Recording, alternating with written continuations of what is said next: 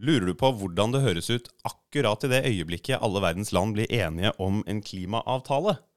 Da skal du få høre det nå. I invite CMA to adopt the draft decision entitled Outcome of the First Global Stocktake contained in document FCCC slash BA slash CMA slash 2023 slash L.17. Hearing no objection, it is so decided.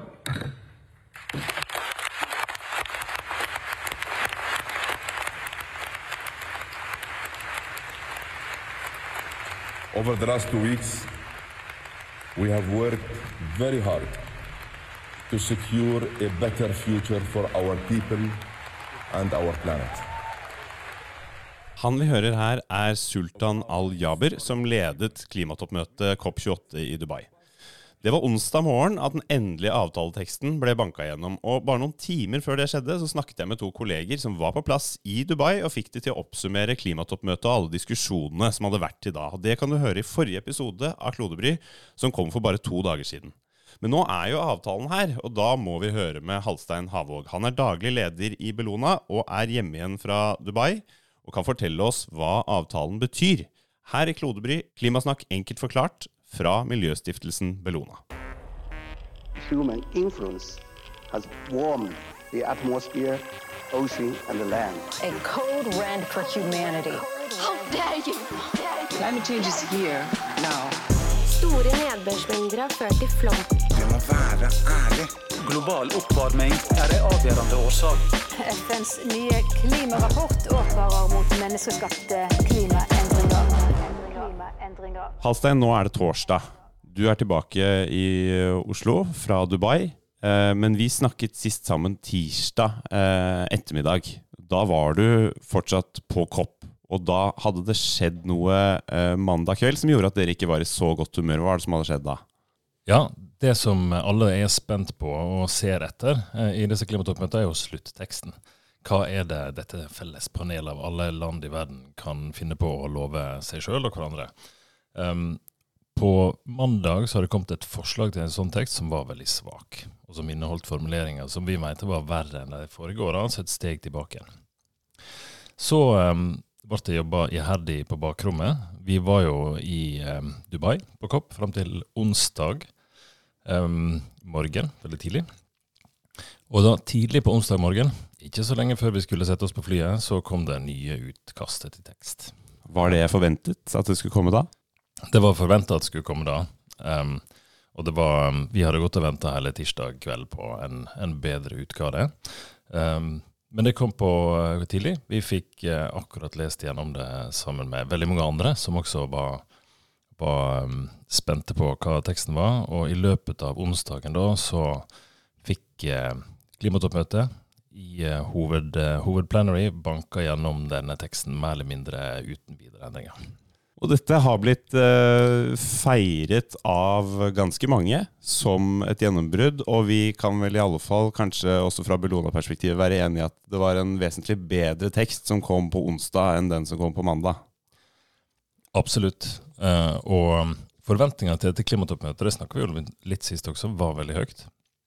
Den, eh, det har kommet en forslag til tekst fredagen før, og første uka under de to ukers klimatoppmøte så snakka han om tekst som snakker om utfasing av fossil energi, fossil drivstoff. Jeg tror den teksten som, eh, som til slutt ble, eh, til avtalen fra dette klimatoppmøtet, er ganske tydelig på at vi må komme oss vekk fra fossil energi og fossil drivstoff. Og det er store, en av de store tingene vi kan ta med oss fra dette klimatoppmøtet. Helt fram til i fjor så var den sterkeste teksten at vi skulle fase ut urensa kullkraft. I den teksten her så står det at vi skal transition away from fossil fuels. Um, og det er ikke det samme som utfasing, som mange ville ha, men samtidig så er det et veldig sterkt signal til både politikere, beslutningstagere, til markeder ute i verden at uh, fossilalderen den uh, går mot slutten. Men hvordan er det mulig at uh, he, altså hele verdens land går fra å levere noe som er veldig lite ambisiøst på mandag, til å plutselig være enige om en mye mer ambisiøs tekst på onsdag? Som, hvordan går det an? Hvis vi er veldig enkelt, sånn, det her er diplomati. Sånn, eh, sånn er det bare. Forhandlinger. Um, det har jo blitt forhandla lenge. Det er ikke sånn at uh, hele verden kommer til klimatoppmøtet og så bare møtes for første gang i løpet av året og begynner hva skal vi snakke om nå. Det er jo lange forhandlinger, tekniske forhandlinger gjennom hele året. Og en mellomklimatoppmøte i Bonn hvert år. Um, men som sagt, fredag i forrige uke så kom det en veldig ambisiøs formulering rundt fossildrivstoff. Så svinga pendelen helt andre veien og kom en veldig svak formulering rundt, uh, rundt klimakutt på mandag, og så endte vi opp en plass kanskje midt imellom. Altså det er liksom litt ping-pong, og så blir spørsmålet hva kompromisset er, og hvor raskt vi klarer å lande det. Mm.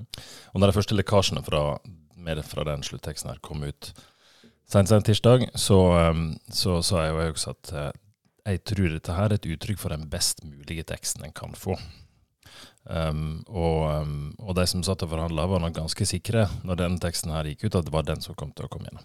Og det er en del ting her som er viktig å få med seg. For det første er det jo en ordlyd da rundt at uh, vi skal transition away fra fossil energi i kraftsystemet. Ja, Ikke face out, men transition away ble kompromisset. Det ble kompromisset, og det er veldig tekst. Tidligere år så har det vært helt umulig å få inn tekst på felleserklæringa rundt fossil drivstoff generelt i det hele tatt. Mm.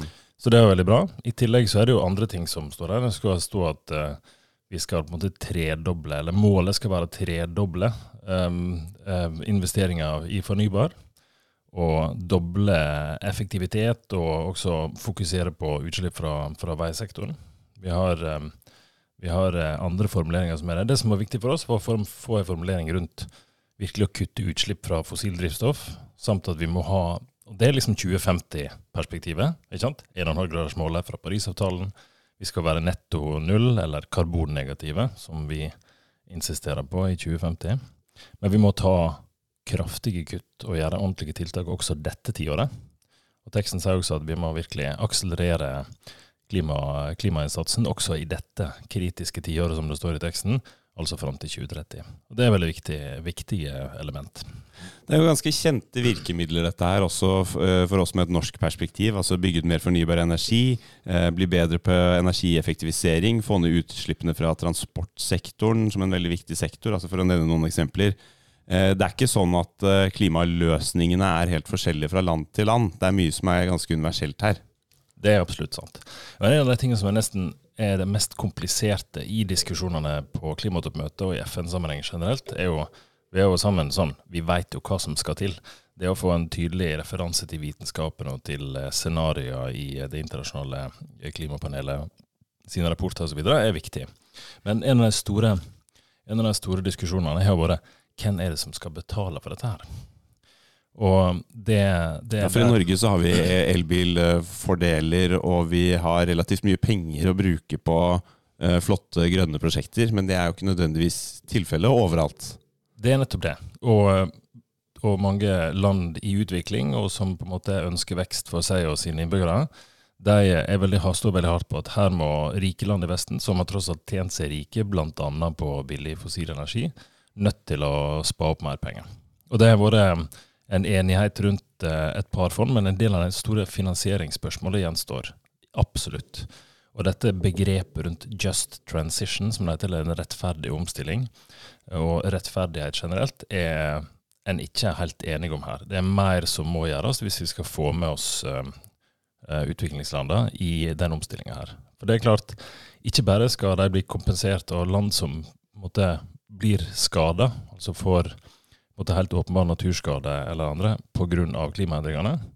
Det er mange lag av den uh, investeringa og den økonomiske støtten til, uh, til land i utvikling som, uh, som, som ligger på bordet. For det første er det såkalt loss and damage, altså måtte tap, eh, tap og skade, som, eh, som trenger sin egen pott med penger. Så er det adaptation, altså omstilling til en framtid der klimaendringene er tydelige, og der en krever, krever omlegging av økonomi og, og samfunn og, og, eh, og, tilpassing i naturen. Det er nivå to. Og så er det tredje såkalt mitigation, altså basically klimakutt.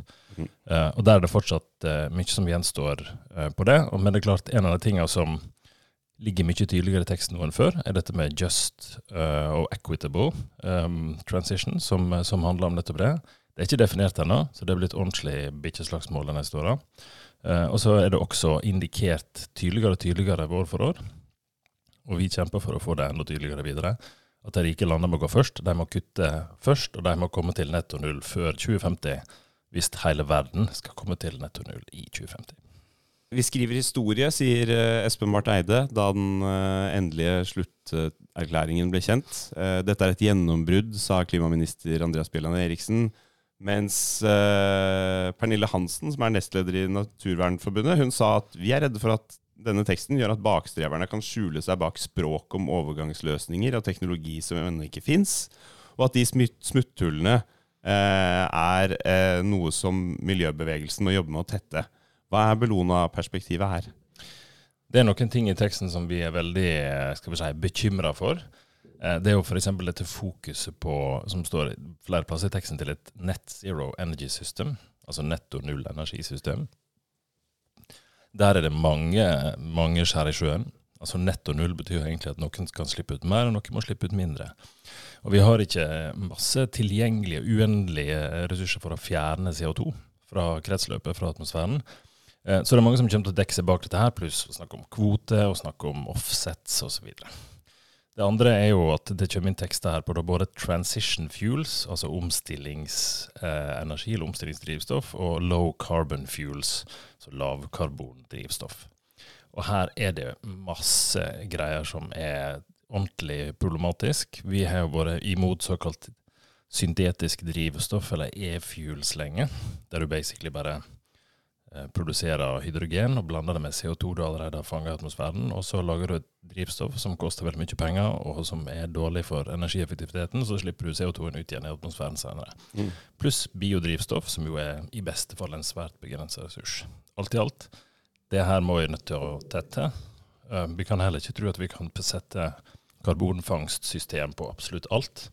Bellona jobber med CCS, eller karbonfangst og -lagring, men eh, vi kan ikke ha det som den eneste løsninga på fossile utslipp heller. Og det er sånne ting som det her som, som er problematisk, og så noen ting som må defineres mye tydeligere også. Det var jo en tapt mulighet til å ikke definere såkalt abated og unabated fuels i denne teksten, altså rensa eller urensa eh, fossil energi eller energi. Det er vi helt nødt til å få inn i løpet av de neste par åra, hvis vi skal få det her på plass.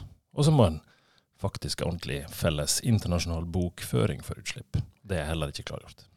Så det kommer til å være behov for et klimatoppmøte neste år, og et klimatoppmøte året etter der. Det er fortsatt mange ting som må avklares. Når tror du det siste klimatoppmøtet blir avholdt? jeg bruker å si at eh, jeg skal eh, på en måte Jeg tror ikke vi trenger miljøbevegelse lenger når det på en måte den siste, siste spørsmålet, store miljøspørsmålet i verden er hva du skal hive til posen din. Uh, og det er litt det samme med klimatoppmøtet også. De kommer til å vare lenger framover. Men det som er endringa etter Paris-toppmøtet i 2015, og så møtet i Katowice i 2018, der en bestemte seg for hvordan reguleringa og lovverket rundt Parisavtalen skulle være, så går vi fra å ha diskutert om vi skal ha en internasjonal miljøavtale, klimaavtale, til å diskutere hvordan vi skal gjennomføre den. Og vi er liksom i det første steget nå. I år så var det den første gangen det var en oppsummering av alle tiltakene landene rundt omkring i verden har gjort, såkalt Global Stocktake. Og om to år, klimatoppmøtet COP 2030, så skal alle land komme med nye forsterka lovnader. Og det ligger i selve regelverket. Så de neste to årene blir det ganske viktig. Neste år skal det være i Aserbajdsjan, i Baku. Der tror jeg at vi bl.a. kommer til å måtte diskutere masse mer rundt just transition-begrepet, som jeg nevnte, pluss finansiering av disse, denne omstillinga her. Og om to år, i Brasil, i Belem, COP30, som da er 33 år etter det første klimamøtet i Rio i 1992. Men allikevel heter 30. Forvirrende greier det nummereringen der. Rio var ikke, var ikke COP 1, vet du. Nei. Det er noe med det. Det må vi ta en egen episode på en gang. Det var en slags førkopp, eller noe sånt. Det kan kalle det en, det første ordentlige klimamøtet i, i verden, som etter hvert var et kopp. Ja. Men der, eh, der eh, i Brasil om to år så kommer det til å være masse spørsmål rundt hva skal vi gjøre nå, når alle land er kommet med nye lovnader. Det kommer til å være en skog- og regnskogskopp. Det kommer til å være en, eh, en urfolkskopp, så der kommer til å skje masse. Men jeg tror at klimatoppmøtet kommer til å rulle og gå i mange tiår fremover. Men allerede de neste åra så kommer vi til å få veldig tydeliggjort om vi i det hele tatt har sjanse til å nå eh, 1,5-gradersmålet eh, eller ikke. Eh, så de neste to åra blir utrolig viktige for internasjonal eh, klima, klimainnsats. Så må vi først fase ut eh, fossil energi helt, før vi kan begynne å snakke om å fase ut miljøbevegelsen. Jeg tror dessverre at uh, Skal vi sette en sluttdato for miljøbevegelsen?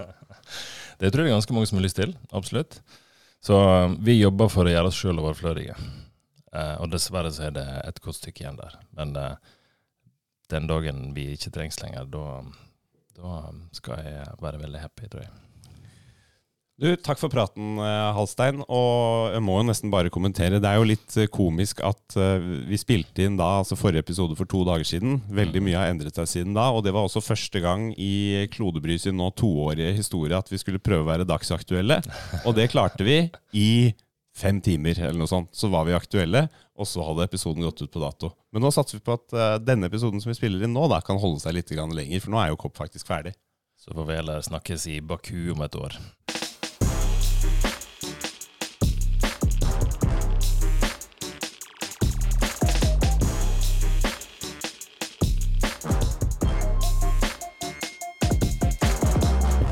Du har hørt en episode av Klodebry, en podkast fra Bellona. Vi snakker om problemer og løsninger for klimaet på planeten Jorden.